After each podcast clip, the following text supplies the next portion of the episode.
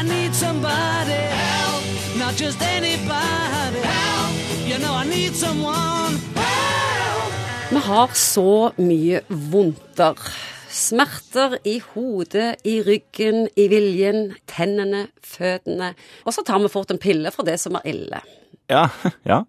Jeg tror vi er mange som bruker Paracet til omtrent alt. Og Morten Munkvik, hva sier du til det? Jo, Paracet hjelper mot mye av det du nevnte nettopp nå. Det relativt ufarlig eh, smertestillende medisin. Men det er jo smertestillende og febernedsettende. Det er det det er. Det hjelper ikke mot eh, bakfylla, for eksempel, eller vondt i viljen, som du nå nevnte der. Det gjør det jo ikke. Spesielt ungdom er knallharde brukere av smertestillende. En fjerdedel av 15-16-åringer bruker smertestillende ukentlig for både kjærlighetssorg, trøtthet, stress og søvnløshet. Ja, det blir kanskje ungdomstidens plaster, på en måte. Sånn, barn får jo plaster for alt mulig. Men hjelper Paracet mot trøtthet og stress? Nei. Men poenget er at eh, du tror det hjelper, og da hjelper det. Sant? Det er jo den placeboeffekten, at man tar noe som man legger en effekt i, uten at den effekten rent faktisk er der, og så hjelper det. Er det farlig å bruke altså- mye Paracet? Å bruke mye Paracet kan være farlig. Og hvis du tar Paracet og samtidig drikker alkohol, så er det heller ikke ideelt, fordi Paracet er litt tøff for leveren.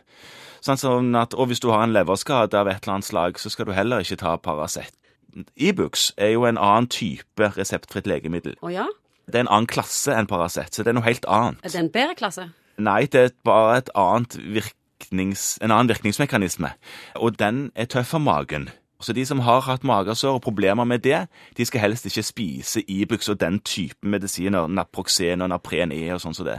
Helt nye studier viser at vi bruker smertestillende piller feil. Den vanligste er nok at en tar det på feil indikasjon, som det heter, at du har en tilstand som du prøver å behandle, som ikke lar seg behandle med Paracet eller Ibux. Eller at du tar eh, for mye, eller for lite, eller for hyppig. Altså, det er, der er en del ting, når ting blir så tilgjengelig, sånn som Ibux og Paracet er, du kjøper jo på dagligvarebutikken, og da er det en del sånn info som eh, kanskje et apotek ville gitt sammen med medisinen, som du går glipp av. Og da aner en ikke hvordan en egentlig skal bruke medisinen. Svenskene de har stoppet salget av Paracet i butikker. Har de det? Ja, på grunn av misbruk.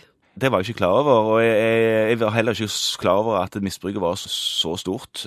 Norge og Sverige pleier å være sammenlignbare på disse tingene, så, så da, Syns du det er en god idé? da, da syns jo jeg det er en god idé hvis en så det er som en nødvendighet. Og nå er det såpass mange apotek rundt omkring at det er jo nesten like tilgjengelig det som dagligvarebutikken, så, så det burde jo være, være mulig i Norge òg.